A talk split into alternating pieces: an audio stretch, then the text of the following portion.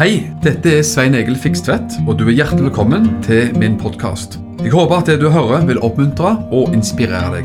Ønsker du mer informasjon om arbeidet i drivet, så kan du gå til mission-alliance.org. Gud velsigne deg. Vi holder på med Apostelens gjerninger Nei, Apostelens gjerninger, det var det veldig Hvor kom, hvor, kom det fra? Det får være en annen gang. Ja, men, men vi holder på med nådegavene. Det var litt forskjell. Ja, ja, det henger jo nesten sammen. Men du, Vi skal lese kjapp kjapp repetisjon, og bare for å sparke skikkelig fra. Så, skal vi, så er det jo sånn at dette er tredje gang, vi har en gang igjen. Og, og um, vi skal ha grei regi på det, da.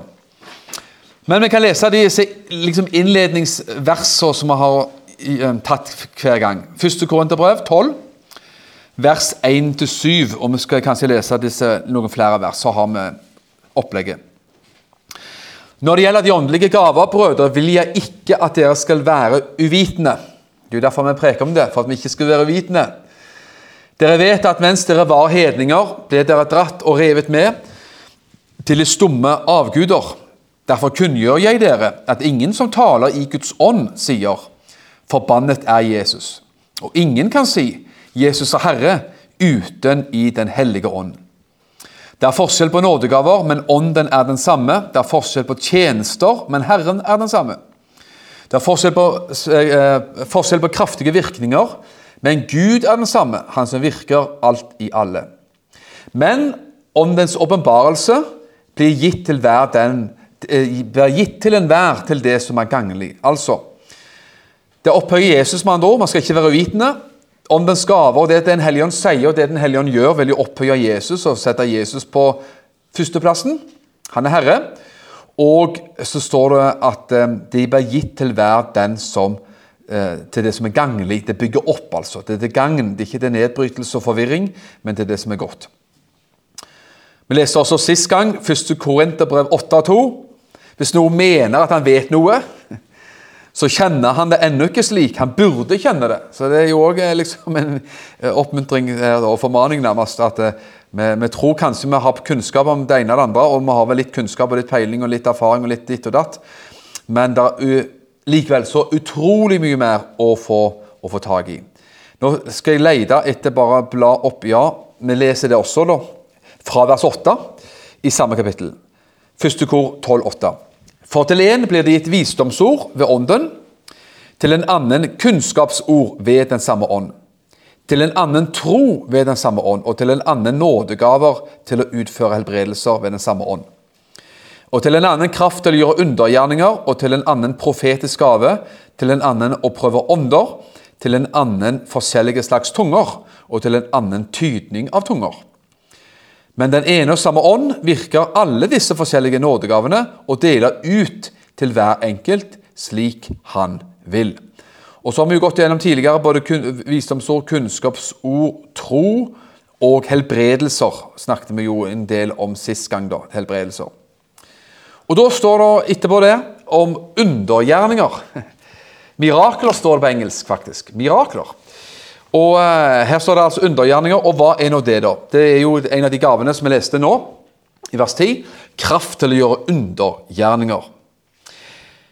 Ja, hva, hva er nå det? Jo, jeg tror vi kan si det veldig enkelt. Det er, det er jo alt som, alt som er, er kraftig, som ikke er direkte helbredelser.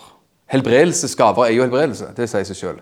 Forbønn for syke som blir helbredet, det er jo en helbredelsesgave. Så det er helbredelsesgavene.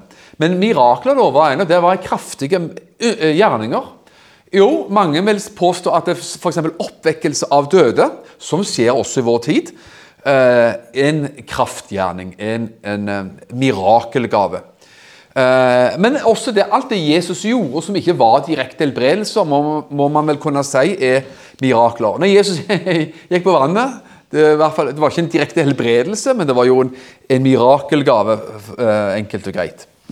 Men det står i Apostelens gjerninger 1911 Apostelens gjerninger 1911-12 Det er sterke ord. Gud gjorde også uvanlige, kraftige gjerninger ved Paulus' hender. Uvanlige, kraftige gjerninger ved hans hender. Tenk på det. Gud brukte hendene til Paulus. Gjennom hendene til Paulus så skjedde det uvanlige ting. Og så står det Og så, så, så kommer dette som var, ikke bare var ved Paulus sine hender, men det som var utover hendene. Slik at selv svetteduker eller arbeidsforklær som han hadde hatt på seg, arbeidstøy, sagt på norsk, godt norsk, ble brakt til de syke, og sykdommene forlot dem, og de onde åndene for ut av dem. Folk tok klær som Paulus hadde hatt på seg, og la på de syke. rett og slett. Han har vel tørka svetten av og til, og det var varmt og godt. Og så la de det på syke. Det er jo det man gjerne, som du sikkert kjenner til, forbønnsduk og sånne ting. Man ber for et lite tøystykke og ber eh, for mennesker sånn, og, og, eller ber for et tøystykke og legger det på de syke. Jeg tror alle av oss har sett det. og, og, og sånt. Og Det kan være mange ting. Det kan være at man gjør det som en trosgjerning. At man gjør det i barnslig, banal tro til Gud. Og så gjør man det i tro. Og tro til Gud det er fantastisk og det er viktig. Og det utfører ting. Men det er, en annen dimensjon enn bare tro i det. F.eks. For forbønnsduk. Det er faktisk talt det at, eh, at der, er, der kan gå rett og slett helbredelseskraft. Konkret helbredelseskraft og salvelse inn i en duk, som da overflyttes og bringes til andre personer. Jeg hadde et sterkt eksempel på det. og Det, det er litt artig, for jeg kjenner, jeg kjenner en karen her som jeg eh, skal nevne. og Han eh, bor, en, han bor i Stavanger. Han er en godt, meget godt voksen mann. Han er mange, mange 80 år. Opplevde i sin ungdom at han, han var gartner. Og eh, ble ødelagt i sin ungdom. Dette er ja, det må jo være 60-tallet, vil jeg tro. Eh, så ble han ødelagt av alskens gifter som han brukte til sprøyting. Eh, man brukte ikke akkurat munnbind og veldig eh, beskyttelsesutstyr den gangen, så han ble komplett ødelagt og var slått ut av sykdom i nervesystemet, psyken, kroppen. Og var mer eller mindre pleietrengende. Så fikk han en bønneduk fra en kjent den gangen helbredelsespredikant fra USA. Fikk sendt over i posten. Og han, jeg, jeg, ringte han her, min venn, da, som jeg ikke skal nevne navnet på, men som, for et år eller to siden, for å få hans historie fersk og ordentlig i sport og kunne bruke det anonymt. Det fikk jeg lov til. Så sier han at når han fikk lagt den på seg, bønneduk tilsendt på den måten, så ble han umiddelbart helbreda. Han sa jeg merket at noe konkret, liksom en substans, om du vil, noe konkret forlot kroppen. vil si. Og denne mannen her, han, eh, han eh, En voksen mann, bor hjemme ennå, men han er eh, blitt en aldrende mann og vært yrkesaktiv faktisk i hele sitt voksenliv siden den gangen, og også ut, utover, utover pensjonistalderen. Så Gud gjør sånne ting, og det er viktig at man har egentlig bare tro for det, og åpenhet for det og begjærer det. Et annet mirakel som man kan finne i Bibelen Skal vi se for, for å følge Vi skal lese noen vers der. da, Apostelens gjerninger 13 vers 6-12. Men mirakler, den kraftige gjerninger Jeg tror vi gjør ikke noe feil i å si at alt, alle under som skjer utenom helbredelser, da. Liksom kraftige ting, da. Kraftting som skjer utenom helbredelser, må man lett kalle for mirakler. Eh, når Jesus gjorde metta 5000 mennesker med to fisker og fem brød, så var det et mirakel. Det var ikke en helbredelse, men det var jo naturligvis et mirakel.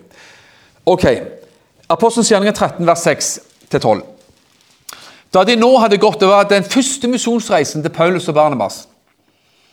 Da de nå hadde gått over eh, øya til Pafos, kom, fant de en trollmann, en falsk profet, en jøde ved navn Bar Jesus. Han var hos landshøvdingen Sergius Paulus, som var en forstandig mann. Og Denne mannen ba eh, til seg Barnabas og Paulus for at han ønsket å høre Guds ord. Altså, en mann da som var en landshøvding, som ville høre Guds ord. Men så hadde han altså en mann hos seg som var en trollmann, som sto imot dette her. Vers 8. Men Elymas, trollmannen som navnet hans betyr, sto dem imot, og han prøvde å vende landshøvdingen bort fra troen. Saulus, som også blir kalt Paulus, så da skarpt på ham, fylt av Den hellige ånd, og han sa:" Du som er full av all svik og alt bedrag, du djevelens sønn, du fiende av all urettferdighet Av all rettferdighet, mener jeg. Fiende av all rettferdighet. Kan du ikke holde opp med å forvrenge Herrens rette veier? Og se, nå er Herrens hånd over deg, og du skal bli blind. For en tid skal du ikke se solen. Og straks falt mørk eh, tåke over ham, og han gikk omkring og lette etter noen som kunne lede ham ved hånden. Da landshøvdingen så hva som skjedde, kom han til tro. Det hadde du og, du og meg òg gjort hvis du hadde sett sånn. og vi kom til tro. For han var forundret over Herrens lære. Paulus sa det var den trollmannen som sto imot evangeliet og advarte mot å bli frelst. Paulus sa det, fylt av Den hellige ånd, står det. Så sa han Herren legger sin hånd på deg, sånn at du, du for en tid blir blind. Du skal ikke se. Og Det kan i hvert fall ikke kalles helbredelse. Det må, må man være enige om. at det, Hvis du blir blind, så er det ikke helbredelse. Da er det det motsatte. Så det var en kraftgjerning. Det var en mirakelgjerning som skjedde der og da. Og som måtte gjorde at han ble satt på plass. Og denne her, andre mannen da, han kom til tro, naturligvis. Og eh, det er, det er ingen grunn i verden venner, til at vi ikke skulle oppleve den slags gjerninger og mirakler i vår tid. Og Det skjer jo rundt omkring i verden på forskjellig vis. At Gud kan ennå i dag multiplisere mat. Det fins eksempler på det. At mennesker har opplevd det ekstraordinære kan man si, på forskjellig vis. Så, så, det er bare fantastisk å få lov til å, være, å, å få vite om det og høre om det en sånn en gang iblant. Og vet du hva, som vi har om, snakket om her tidligere, alle disse gangene, la oss begjære, la oss begjære ha begjær etter åndens gaver. Kolossalt viktig. Og så La oss bare knytte, knytte litt inn det som jeg, jeg, sa innledningsvis her også. Da, at Når man møter dette med, som jeg kanskje sa litt om sist gang også, når man møter og hører vonde ting skjer, mennesker som forlater dette livet i altfor ung alder, mennesker som eh, forulykker eller dør uventa, eller som ikke ble helbreda, hva gjør man da? Jo, La oss fortsette likevel å praktisere Guds ord, gjøre Guds ord, begjære det som Gud har beredt for oss. Og mens vi ser at vi er underveis, mens vi ser at vi dessverre må håndtere ting som, som, som, skjedde, som skjedde, som ikke ville skulle skje, så må man også stadig mer begjære at vi skal få se helbredelser, mirakler og alt hva Gud gjør. Det tror jeg er kjempeviktig. Vi skal gå til neste gave. Øh, den profetiske gaven. Den profetiske gaven. Og da har jeg lyst til å si det sånn at øh, skal, det, skal, La meg nevne tre, tror jeg, nivåer, om du vil, av profetisk gave. Og Uten at, det, at vi skal lage så mange punkter nå at det blir vanskelig og strevsomt og, og liksom veldig teknisk. Men jeg tror at det, det finnes forskjellige måter at den profetiske gaven virker på. For eksempel, man kan oppleve av og til at den profetiske gaven virker når man forkynner. For eksempel. Eller ikke bare forkynne når man ber for mennesker. Og Det gjelder ikke bare forkynnere, det gjelder hver person. Det gjelder alle. Alle kan oppleve profetisk gave, naturligvis. Alle for å si det sånn, har, har, har, det tilbudet, om du vil. Alle har den muligheten og, uh, bør oppleve det. For eksempel, Hvis du ber for mennesker, så kjenner du at du ber først med, liksom, du ber så godt du kan med forstand og tenker ut fine ting og ber gode ønsker over mennesker. og ber. Så kan du samtidig også kjenne, når du begynner å be, at eh, du ber ting fra en annen plass etter hvert, mer fra hjertet. At du ber ting fra en profetisk strømning som kommer.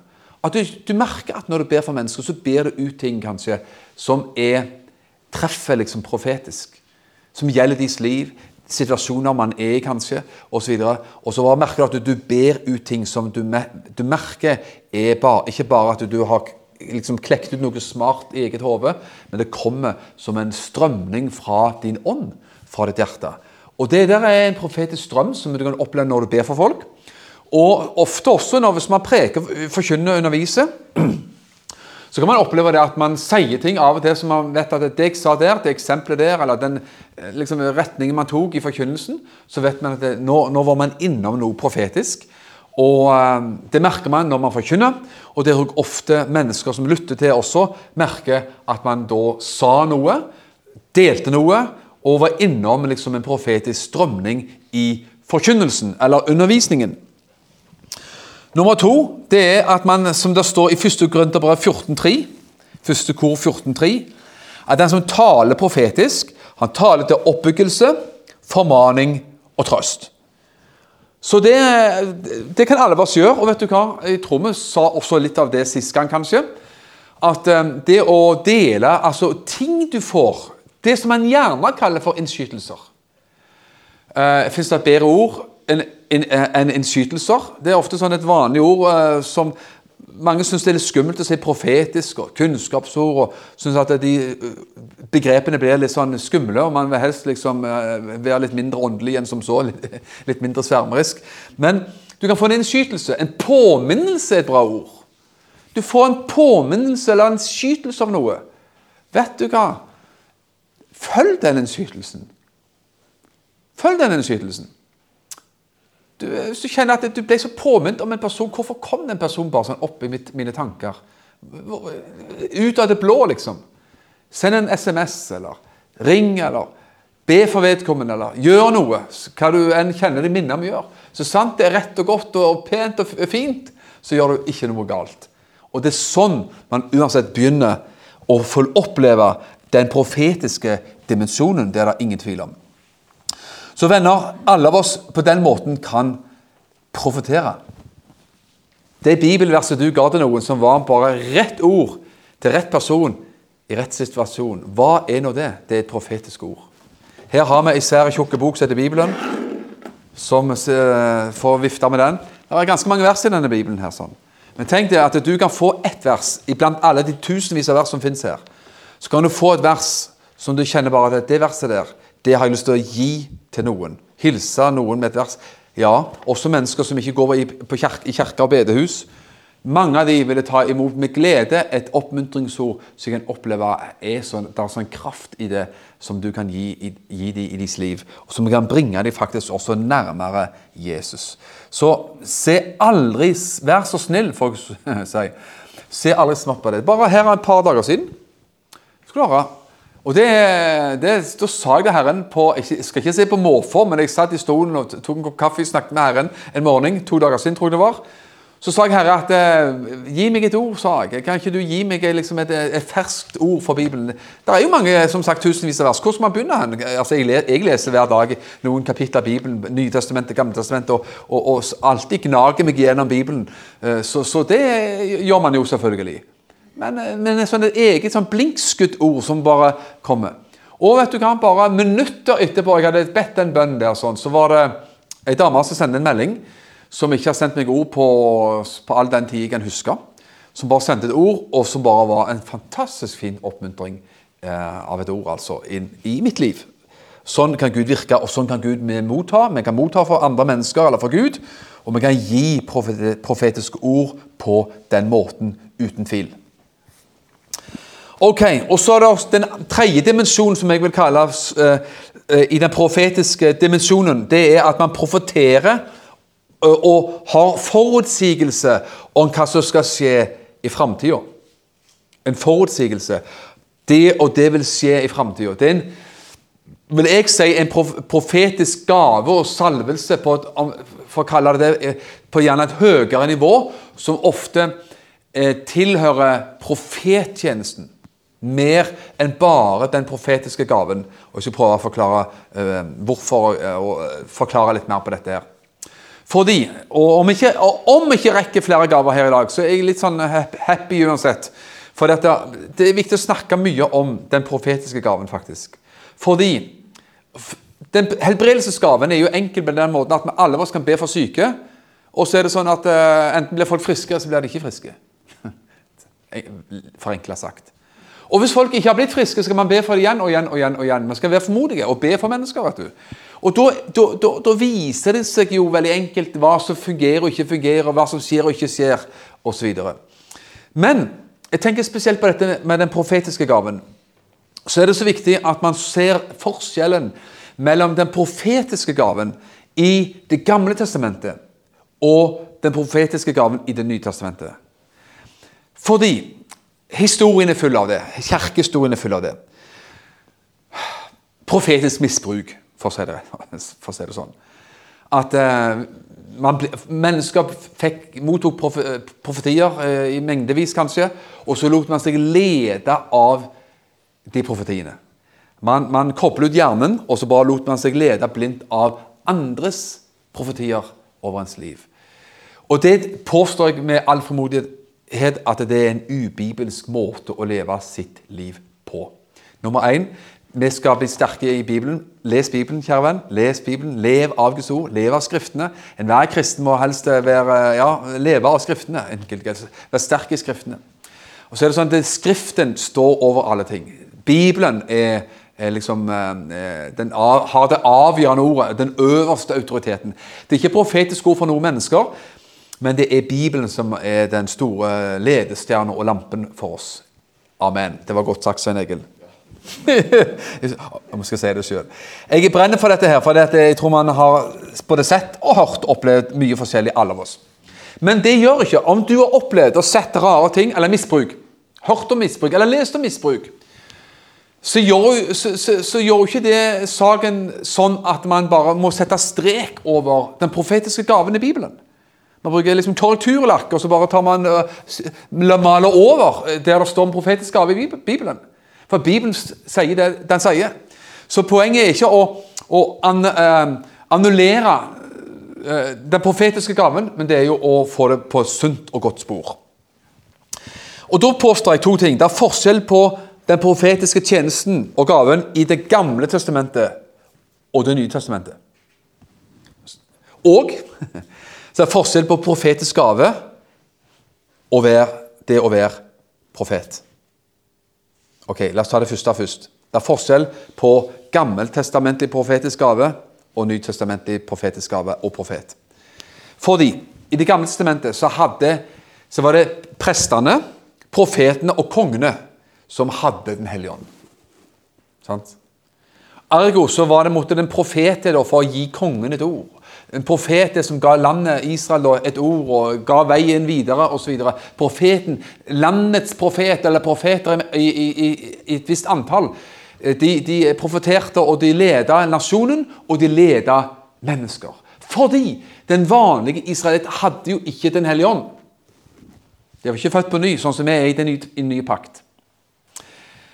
Og det er en stor forskjell, fordi her er vi i dag i 2022. Eh, vi er frelst, vi lever i den nye pakt. Og enhver gjenfødt troende i vår tid har jo Den hellige ånd. Den, du har Den hellige ånd like mye som meg. Du har Den hellige ånd like mye som en profet et eller annet sted. Du og meg har Den hellige ånd. Det er kolossalt viktig. Du har barnekors ånd. Mine får høre min røst, sa Jesus. Så hvis du er en tilhører Jesus, du er et barn av Gud, ja, så har jo du Den hellige ånd. Og du har en bibel. Det er ikke bare, er ikke bare jeg som har en bibel, men du har jo en bibel. Det er ikke bare jeg som har Den hellige ånd, men du har Den hellige ånd. Gud er ikke bare min far og veileder og herre og hyrde, men han er også din far, veileder og herre og hyrde og frelser. Så vi står Og det er det som i Det nye testamentet man kaller for det allmenne, eller alminnelige prestedømmet. Som Luther selvfølgelig kjørte veldig sterkt fram er, er, som en, der han brøt med den katolske kirka, embetskirken osv. Og, og, og, og kjørte fram det at alle, vi er jo alle som tror er Guds barn. Alle skal ha en bibel i hånda. Alle kjenner Gud. Det sier Bibelen. Da skal de alle kjenne meg fra den siste, første, minste til den største osv.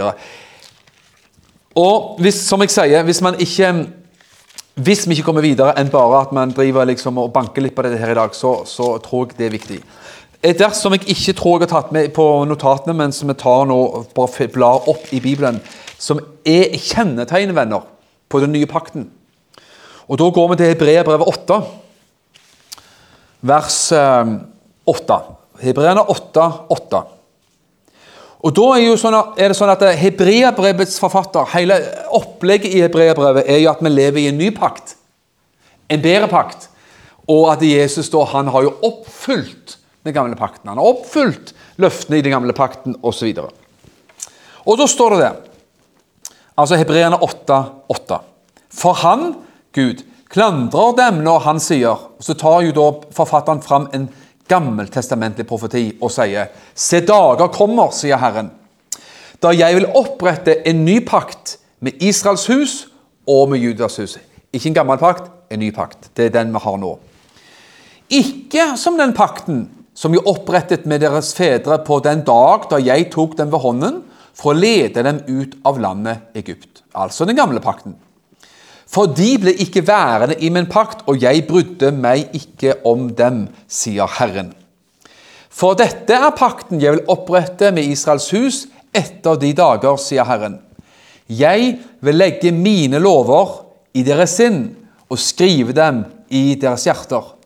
Jeg vil være deres Gud, og de skal være mitt folk. Ingen av dem skal lenger lære sin neste, heller ikke sin bror, å si 'Kjenn Herren', for alle skal kjenne meg, fra den minste til den største av dem. Og jeg vil være nådig overfor deres urett, og deres synder og deres lovbrudd skal aldri, jeg aldri minnes mer. Sitat, sitat slutt. Det var en profeti fra det gamle pakt, som altså tas inn i Det nye eh, testamentet her, og beskriver hvordan den nye pakt fungerer. Forskjell på den gamle pakt og den nye pakt. Og så sier forfatteren her i vers 13 I det han sier en ny pakt, har han gjort den første foreldet. Når Gud sier eh, Folkens, jeg slår et slag for en ny pakt, venner. Da har Gud allerede røpt at den gamle er i ferd med å gå ut på dato. Det er man jo ganske enige om, og det var det vi leste akkurat her. Så da er saken Vi lever i en ny pakt. Og hva kjennetegner den nye pakt? Jo, da skal de alle kjenne meg. Da skal de alle kjenne meg. Ikke bare en ypperste prest, ikke bare en profet, ikke bare en konge. Nei, alle skal kjenne ham. Likevel så sier Bibelen at det finnes også profetisk tjeneste i den nye pakt.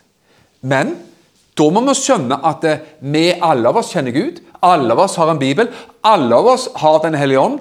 Og på den måten så blir måten, dynamikken i forhold til det, profetiske blir annerledes. Og Det er derfor jeg har lyst til å si bare sånn rett uh, flatt ut at uh, Jeg tror ikke du er veldig disponert for det, da, men mange er det. Man har en veldig uh, man er veldig svak for det profetiske og fascinert over det profetiske. For så vidt med rette. For så vidt med rette. Men man passer på at man ikke mister Skriften, og at det, det, er mitt liv med Gud som leder meg. Det er ditt liv med Gud som leder deg. Jeg har fått masse profetiske ord, masse har stemt. Spesielt i den perioden når jeg skulle slutte som pastor og gå over i den type tjeneste som jeg har nå.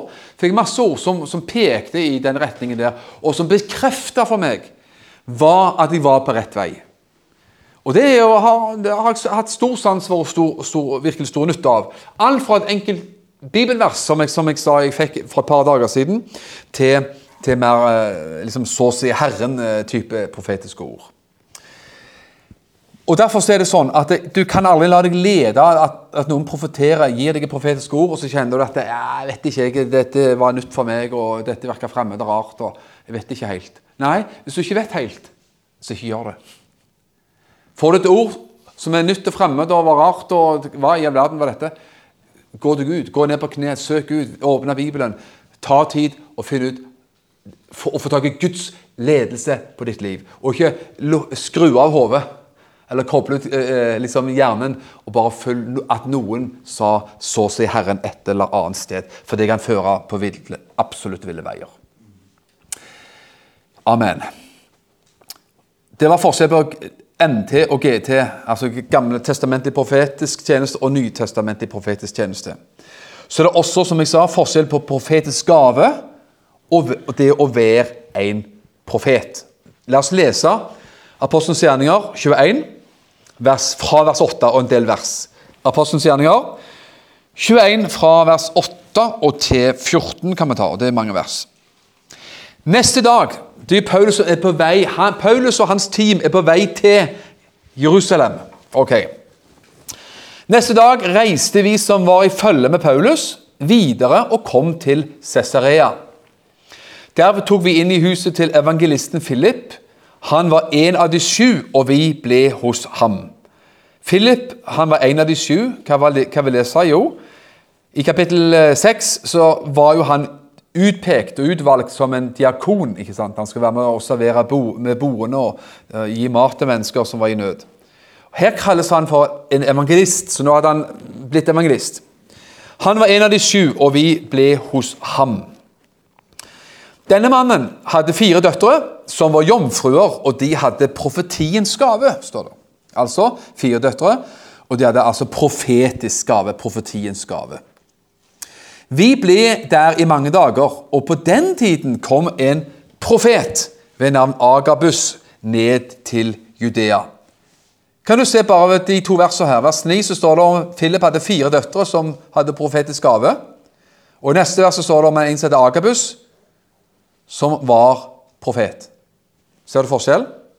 Profetisk gave og profet. Og så står det, vers 11 Da han, altså profeten der som hadde kommet fra Judea, Agabus, da han var kommet til oss, tok han beltet til Paulus og bandt hendene og føttene sine og sa Så sier Den hellige ånd, slik skal jødene i Jerusalem binde den mannen som eier dette beltet, og overgi ham i hedningenes hender. Så Han gjorde en sånn dramatisk gjerning, og det hender at profeter gjør det. Han tok beltet til Paulus og bandt hender og føtter. Og så sier han dette kommer til å skje med den mannen som eier dette beltet. Altså et profetisk ord som pekte på framtida eh, til Paulus. Hva som kommer til å skje med Paulus når han kom til Jerusalem. Vers 12. Da vi hørte dette, tryglet vi ham, både vi og de som var fra det stedet, om at han ikke måtte dra til Jerusalem. Da svarte Paulus, hva mener dere med å gråte og knuse hjertet mitt?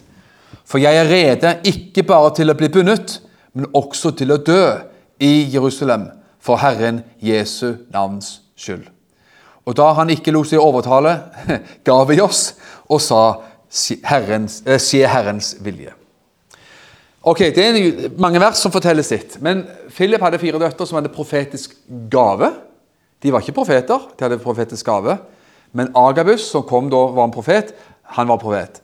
Og Det har ingenting med at de, eh, disse døtrene til Paulus var damer, og han, mannen var en mann. Det går ikke på kjønn, for det kan du finne andre plasser i Bibelen at det finnes, fantes kvinnelige profeter. Men det har med bare kall å gjøre. Og Derfor så vil jeg si det sånn Sven Egils enkle bilder, vet du. Hvis Sven Egil eller du vet du, du og meg kan eh, hjelpe noen med plaster på sår hvis de har kutta seg i fingeren Du har et plaster i skuffa og kan yte enkel førstehjelp. Så gjør ikke det deg og meg til en doktor for det. Det gjør, de gjør seg ikke til en sykepleier engang. Det gjør bare at vi hadde litt ved i hodet til å komme med et plaster. Og litt Pyresept, muligens. Ok, du, du og meg kan ha profetisk gave og skal bruke vår profetiske gave. Tro på det. Virkelig. Men det gjør oss ikke til profet, for det er på et Jeg liker ikke det ordet, da, men jeg sier det likevel, for i mangel av noe bedre på et høyere plan. Alle av oss kan evangelisere, og bør evangelisere og dele troen vår. Det gjør, de gjør ikke alle av oss til evangelister. Alle av oss skal ha omsorg for våre neste og ta hånd om folk og sende profetiske SMS-er til folk, helst. Amen. Men det gjør, de gjør, ikke alle av oss til hyrder. sant? Eh, at du, er en pastor i, liksom, pastor i yrke og, og, og i embete og i, i, tjeneste. Men alle av oss kan ta hånd om folk og ta, ha omsorg for folk. Så du kan ha en hyrde i deg uten at du er en hyrde med stor H, for å bruke det uttrykket. Poenget mitt er det at jeg ønsker at disse gavene skal være så enkle eh, å forstå også, at du kan bruke og være i gavene. faktisk. Oppleve det og, og fungere i det på forskjellig vis. Kjenne disse påminnelsene. Kjenne at du har lyst til å be for mennesker, legge hendene på mennesker og be for dem, og se at uh, ting skjer. Amen. Så, Ut fra det, det vi har lest nå, så tror jeg jeg våger å slå fast, uten at vi skal bruke voldsomt mye tid, forskjell på gammeltestamentlige profeter og nytestamentlige profeter. Fordi vi lever i ny pakt, og alle av oss har Den hellige ånd. Og skal ikke, av den grunn ikke la oss lede over vårt hode og lede oss blindt av profetier. Og det er forskjell åpenbart på profetisk gave og på det å være profet. Og Det gjør at om du og meg blir brukt profetisk, så er det sånn at um, så befriende å slippe å bli kalt profet. Halleluja. Det er bare herlig. Så, ta, ta, meget takknemlig for at du slipper, liksom. Sant? Men det er profetisk, kjære venn. Du kan være profetisk. Og jeg har lyst til å bare si begjær det fra Gud. Så Herre, la meg få lov til å leve et profetisk liv. Når jeg ber for mennesker, så kan jeg be profetiske bønner, altså inspirert av Den hellige ånd. At jeg ikke bare ber ut fra min, så, så, godt jeg kan ut fra min logiske tankegang, men du kan begynne å be ting så du merker at du ber fra en annen også kilde, den profetiske kilden.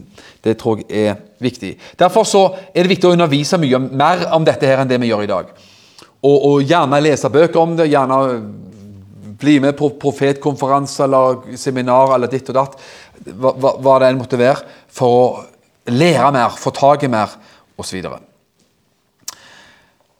La oss lese noen få vers eh, på, på, akkurat det her. Fra 1. Korinterbrev 14, blant annet.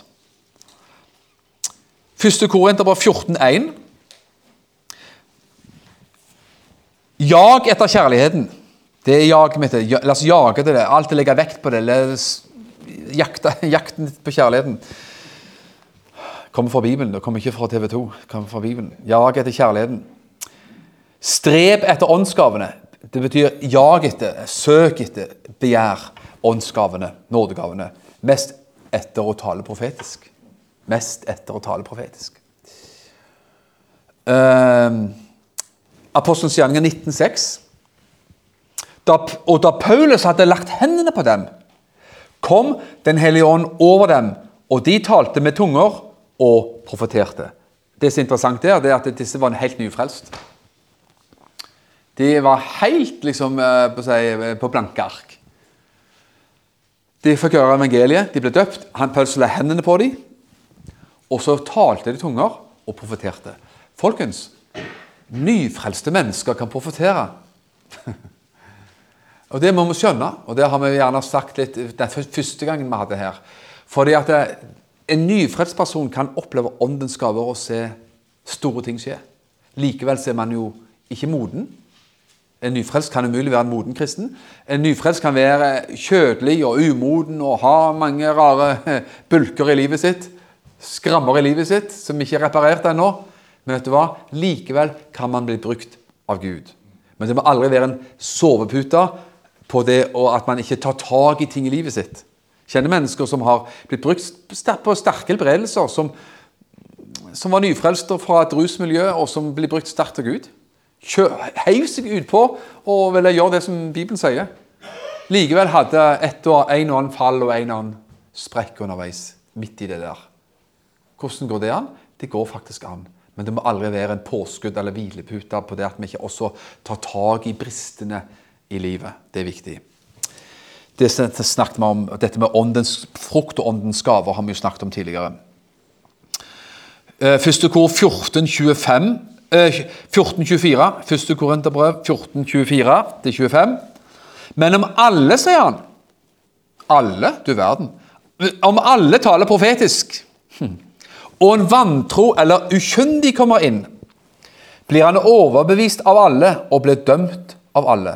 Altså, I en møtesammenheng der det er masse, altså tydeligvis, til og med alle taler profetisk, og der kommer en ufrelst inn, med andre ord, så står det at han kan bli avslørt. altså Folk kan få profetiske ord i person, inn i personens liv, så han bare vet Ops, hvordan visste du dette? man profeterer. Ikke for å bringe noen på skam og for å avkle mennesker og, og sånt, avsløre som sådan, men det er mest av alt for å betjene, for å bygge opp, for å hjelpe mennesker, og man opplever det. Det er jo det denne kvinnen med brønnen gjorde når Jesus sa at du har hatt fem menn, og han du nå har, er ikke din mann.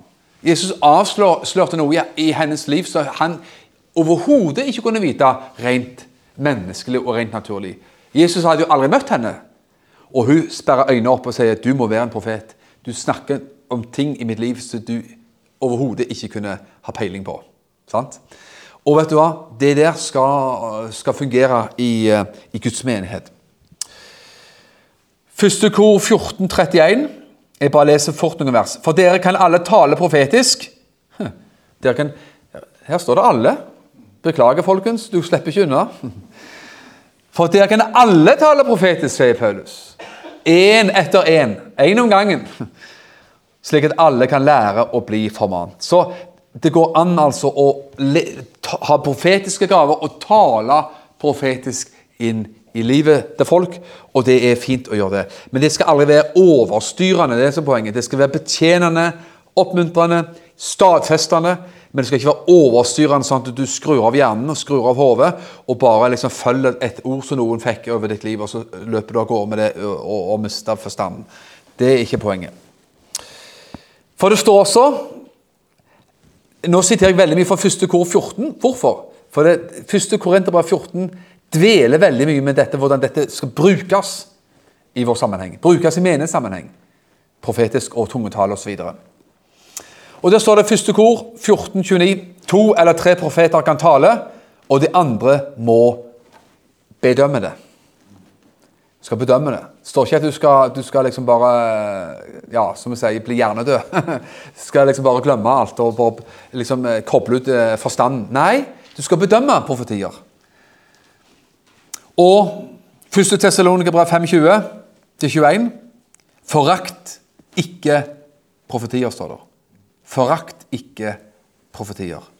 Men prøv alle ting, og hold fast på det som er godt. Prøv. Altså, Ikke forakt det. Ikke si vi blåser i profetier. Tull og tøys. Vi, liksom stenger av det. Nei, ikke forakt. Men prøv. Test det. Prøv det.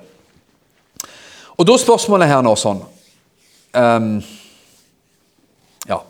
Hvordan skal vi bedømme profetier? Hvordan, jeg har prøvd å dvele litt nå ved hvordan man skal prøve å kjøre dette løpet her. sånn. Hvordan bedømmer vi profetier? Jo, nummer én, det må stemme overens med Guds ord. Guds ord har det avgjørende ordet, øverste, øverste autoritet for liv og lære. Bibelen, Skriften.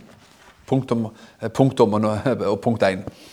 Det må stemme overens med Guds ord. Nummer to det må gå i oppfyllelse. Hvis det er profetier som skal gå i oppfyllelse, at det er liksom det som er innholdet i en profeti, at det, det er noe der som skal gå i oppfyllelse, så er det helt klart at det må gå i oppfyllelse. Nummer tre det må samstemme med ditt eget hjerte. Det, det har jeg sagt flere ganger her. Det må samstemme med ditt eget hjerte. Husk, du er sjefen i ditt liv. og ikke, Det er ikke en profet her eller der som er sjefen i ditt liv. Det er du. Du og Jesus, naturligvis. Sant?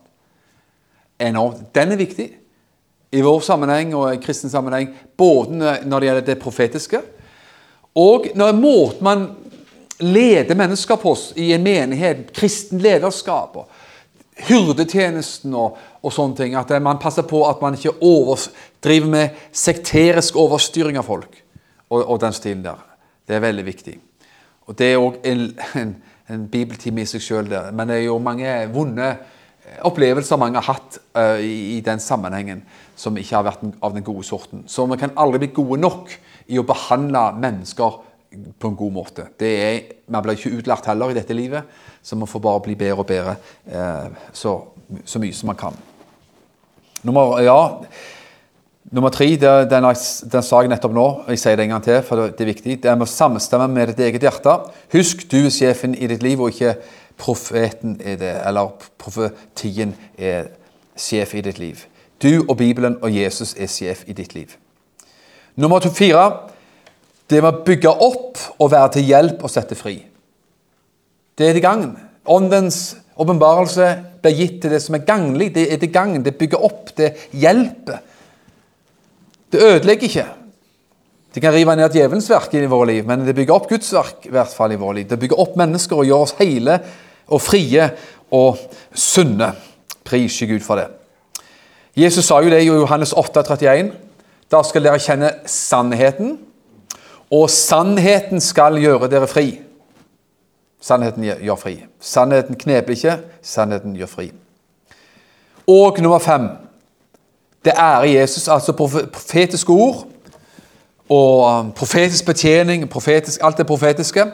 Det ærer Jesus og gjør han til herre.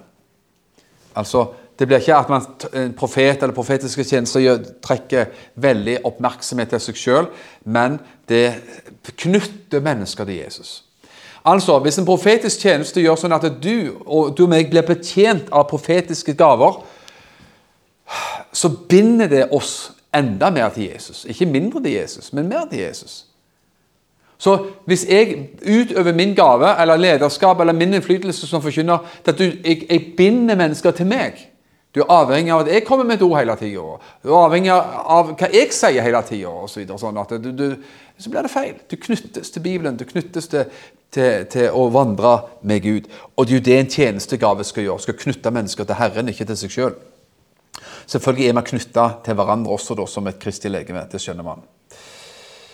Amen. Ja Skal vi ta litt til, eller er det forsynt? Hva sier sjefen?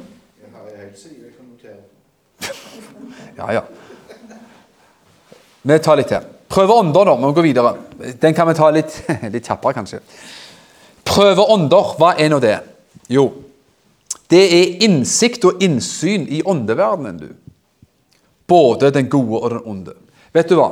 Der fins en usynlig verden. Fins det onde ånder, eller ikke? Er det bare tull? Er det bare eventyr? Ifølge Bibelen så er det onde ånder. Det fins demoner. Djevelen fins jo. Og Gud fins. Så eh, altså Guds verden finnes. Himmelen fins. Englene fins. Alt det som er himmelen og Gud å gjøre, fins jo. Himmelske vesener. En dag skal vi være der. En dag skal vi se alt det der. En dag skal vi se Han ansikt til ansikt. Men så finnes det også en, en, en ond, usynlig verden. Djevelen, demonene, de fins jo. Uh, så, de, så, så, vi ser jo ikke de med vårt uh, fysiske øye. Men gaven til å prøve ånder virker bl.a. sånn. Uh, det kan variere fra person til person, men noen kan se inn i åndeverdenen og se de, de, usynlige maktene som finnes, faktisk. Om det finnes usynlige makter bak noe, usynlige makter, gode eller dårlige, bak som styrer ting og styrer mennesker osv. Men hør her. 1. Timoteus 4, vers 1-5. Der står det Ånden sier uttrykkelig at i de siste tider eh, skal noen forlate troen og vende sin oppmerksomhet mot forførende ånder og demoners læresetninger. Det er sterke ord. Forførende ånder. Ånder som forfører. Og demoners læresetninger. På engelsk er det doktriner. Doktriner er jo en læresetning. Altså, Man kan si det på en annen måte. Demoners teologi. En læresetning er jo teologi. En doktrine er jo teologi. Så det finnes altså forførende ånder og forførende læresetninger, demoners læresetninger som leder folk vill. Vers 2. Det skjer ved løgneres hykleri ved slike som har fått brennemerket sin egen samvittighet. Det går også an, venner, å få brennemerka sin egen samvittighet. Det er ikke bra. Til brennemerking Du har sikkert sett westernfilmer. vet du, De brennemerkte kuene vet du, med stempel sånn med et, sånn jern, brennende jern, glødende jern, som, som rett inn i skinka på ei ku. Er det bare jeg som sett sånne gamle filmer? Nei? Andre òg? Nå, nå, bruker man, ja, Om jeg gjør det nå, vet jeg ikke. nå. Men, men, men eh, det, det å, å være brennemerka i samvittighet Samvittigheten har fått et brenn, blitt brennemerka. Ikke bra. Og så står det De altså de som, som da er forført og forfører, de forbyr å gifte seg og befaler å avholde seg fra mat som Gud skapte til å bli mottatt med takksigelse av dem som tror og erkjenner sannheten. For all Guds skapning er god. Altså Alt som er skapt av Gud, er godt. Det er opplegget. Og ingenting skal forkastes hvis det blir tatt imot med takksigelse. For det blir helliget ved Guds ord og bønn. Antagelig så styrer dette litt sånn inn på den tidlige fasen av den såkalte gnostisismen. Der man opphøyde det åndelige. vet du. Altså, og alt det synlige, alt det materielle, alt det fysiske blir nedgradert til å være mindreverdig og, og på si et nødvendig onde, nærmest. Ikke noe mer enn det. Og, og det, det, er sånn at det han, da Paulus sier her, at det, det var mye vranglære på det. Og Ser man inn i Johannesbrevet også, første Johannesbrev, så står det jo nettopp det at det var, det var strid rundt dette med Jesus. At, at, Jesus ikke hadde kommet i kjøtt og blod. At Jesus aldri var fysisk. Han var bare åndelig og en, en ånd. Men Jesus kom jo i kjøtt og blod, med et kropp, med et eget legeme og blod som rant på korset osv. Så, videre. så det var jo en vranglærer som, som surra og gikk og, og, og sånt. Og, og, her snakker altså Paulus om type forførende ånder, forførelser som leder mennesker bort fra den sunne lære og sunne tro på evangeliet og på Bibelen. Um, 1. Johannes 4, vers 1-4. Det er beslekta skriftsted. Elskede, tro ikke enhver ånd, men prøv åndene om de er av Gud, sier han. Altså ikke tro hver ånd. Folkens, i vår tid så trenger vi å høre og lese disse ord. Tro ikke enhver ånd, men prøv åndene om de er av Gud. For mange falske profeter har gått ut i verden. På dette kjenner dere ikke sånn. Altså, Her har du testen. En av testene, i hvert fall. Hver ånd som bekjenner at Jesus Kristus har kommet i kjød, er av Gud. Så det var liksom testen nå, men ikke minst den gangen, i og med at det var det som var stridens punkt og stridens kjerne den gangen. Og hver ånd som ikke bekjenner at Jesus Kristus er kommet i kjød, er ikke av Gud. Dette er antikristens ånd, som dere har hørt skal komme, og som allerede nå er i verden. Altså, test åndene. Og her er det det som jeg kalde, sa tidligere, på en av de andre gangene vi hadde her, Jesus-testen. La oss teste læren på det som har med Jesus å gjøre. Hvor plasserer man Jesus, og hva tror man om Jesus? Vi kan ha litt forskjellig syn på mange ting som kristne. Det, det, det, det går an, og det er bare sånn realismen er. Men man kan aldri kompromisse på grove avvik på det som har med Jesus å gjøre. Han er frelseren, han er den eneste veien til Gud. Han er den andre personen i guddommen, han er Guds sønn. Han er Gud, en del av guddommen, og uh, han er den som også kommer igjen. Skal komme igjen for å dømme levende og døde. Og mer, flere ting kunne bli sagt om Jesus. Men læren om Jesus er voldsomt avgjørende, naturligvis. Og der faller jo selvfølgelig det burde være unødvendig å si, men vi sier det likevel. Der faller islam tvers igjennom det, nettverk, det nettet der. Sikkerhetsnettet. Den testen. Der består jo ikke islamsk teologi prøven på Jesus overhodet. Hør et annet vers. Filippene 1, vers 9-11. Og Det tenker jeg litt på. Nå snakker vi kanskje litt om dette med skjelne mellom ånder, som vi egentlig snakker om. Men vi, vi snakker liksom om også Selve gaven, ja. At, du, vi har gaven til å se hva som står, ligger bakom ting, om det er av Guds ånd eller av, av eh, djevelens ånd. Men også generelt at du og meg, om du ikke opplever gaven til å skjelne mellom ånder, så skal vi likevel ha dømmekraft, sånn som vi snakker om her. Altså, Man skal ha en bedømningsevne til å se og forstå hva som er av Gud, og hva som ikke er av Gud. Og Her er det et herlig vers, syns jeg. Filippane 1, vers 9-11. Og dette ber jeg om, sier Paulus, at kjærligheten deres må bli rikere på innsikt og dømmekraft. Det er tøft. Han sier at kjærligheten vår, altså, vår kjærlighet, skal bli rik på innsikt og dømmekraft. På den måten kan dere dømme om smått og stort, så dere kan være rene og uten anstøt til Kristi dag. Og slik være fylt av rettferdighets frukter, de som kommer ved Jesus Kristus til Guds ære og pris. Hør eh, Kjærligheten skal bli rik på innsikt og dømmekraft. Sagt på en annen måte kjærlighet uten dømmekraft, den kan bli veldig blaut. Uten kanter og uten grenser og uten noen ting som er, uten hjørner, uten ingenting. Sant? Det er noen av oss altså i, i menighet, nå er vi en liten forsamling her, så er det noen som alltid vil ha en større dose av en barmhjertighetsnatur liksom, enn andre. Hvis vi får tid til siste gang eller senere, så skal vi gjerne gå inn på det også. Men sånn er det jo. Du kjenner noen som du tenker gode, de fineste, skjønneste, edleste kristne som er bare liksom, de er bare godhet sjøl. Store G. Eh, godhet. altså De vil bare omfavne alt og alle og bare vil gjøre godt for alt og alle. Og det er bra. Men kjærlighet uten innsikt og dømmekraft kan bli eh, litt sånn eh, tannløs og litt sånn eh, blaut. Men vi trenger begge deler. Og kjærligheten må bli rik på innsikt og dømmekraft. Kjærlighet med dømmekraft er en god ting. Sånn at vi har masse masse og atter masse kjærlighet, men også dømmekraft. Man klarer i kjærlighetens navn å skille med rett og galt. Godt og vondt.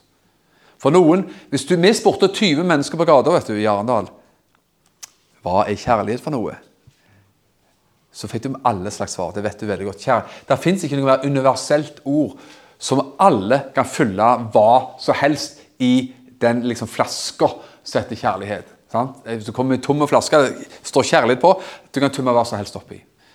Eh, det kan være et utsvevende liv seksuelt. Det kan være eh, at alt er lov, alt er greit med alt og alle. Det er, det er ingen grenser på noen bauger og kanter. For andre igjen eh, så er det noe annet. Det er gjerne å ofre livet sitt for en god sak. For noen er det å bli selvmordsbomber. Kjærlighet til sin Gud og, så, og tilsvarende hat til andre. For, for noen er det kjærlighet. Kjærlighet er jo mangt. Så hva er kjærlighet? Jo, kjærlighet må bli rik på innsikt og dømmekraft. Altså dømmekraft i kjærligheten. Sant? kjærligheten bare... Kjærligheten må ikke være på tur alene. Han må, han må gå hånd i hånd med dømmekraft for at den skal bli eh, dugende.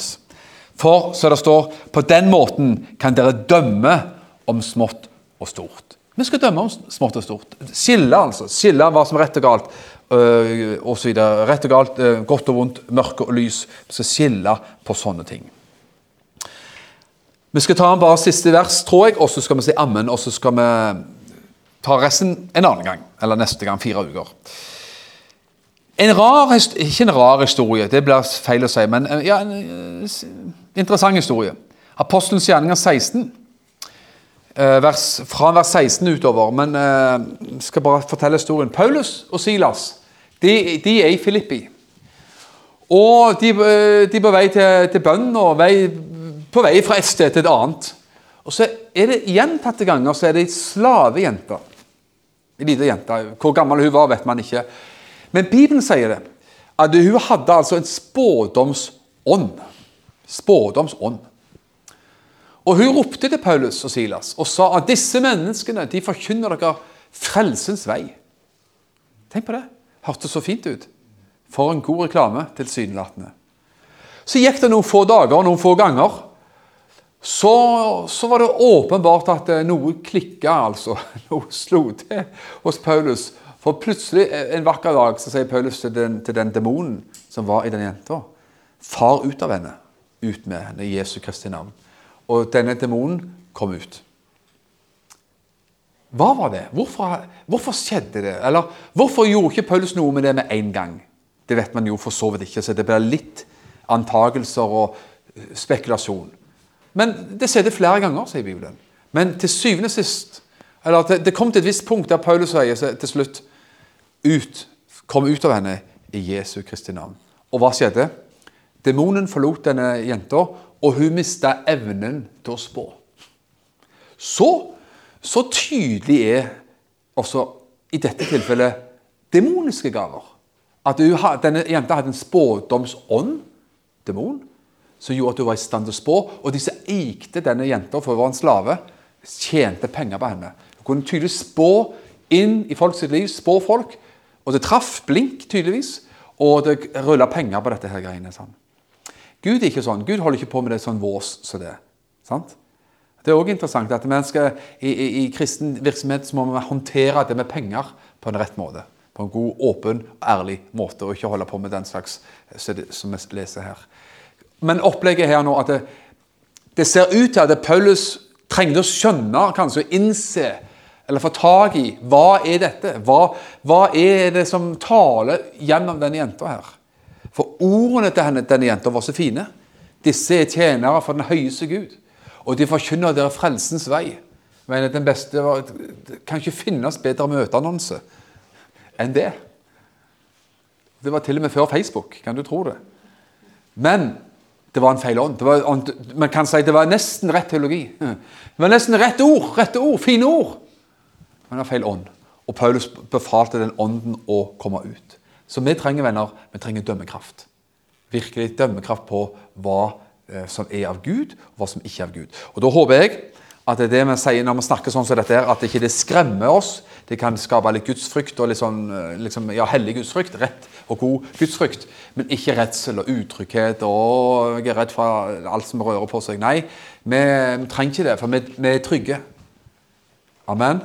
Ingen er så trygg i fare. Det er en fin sang, det, vet du. Ingen er så trygg i fare som Guds lille barneskare. Så du er trygg med en bibel i hånd. Du er trygg når du tror på Gud og tilhører Herren osv. Så, så er det viktig å skjønne at man møter alle sånne ting fra en trygg og forankra posisjon i Jesus Kristus. Alle sånne ting. Og det, det hører ikke hjemme, skjønner du, at kristne skal være skeptiske og redde for åndens gaver. For de er jo bibelske. Jo da, man kan gjerne bli skremt og få seg en smell av dårlig bruk og misbruk og, og, og, usunne saker og ting. Men da er aldri løsningen å parkere det og, og liksom låse det inne. Løsningen er å få det på et rett og godt spor. Amen.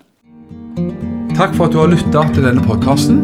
Jeg ønsker deg en velsigna god dag.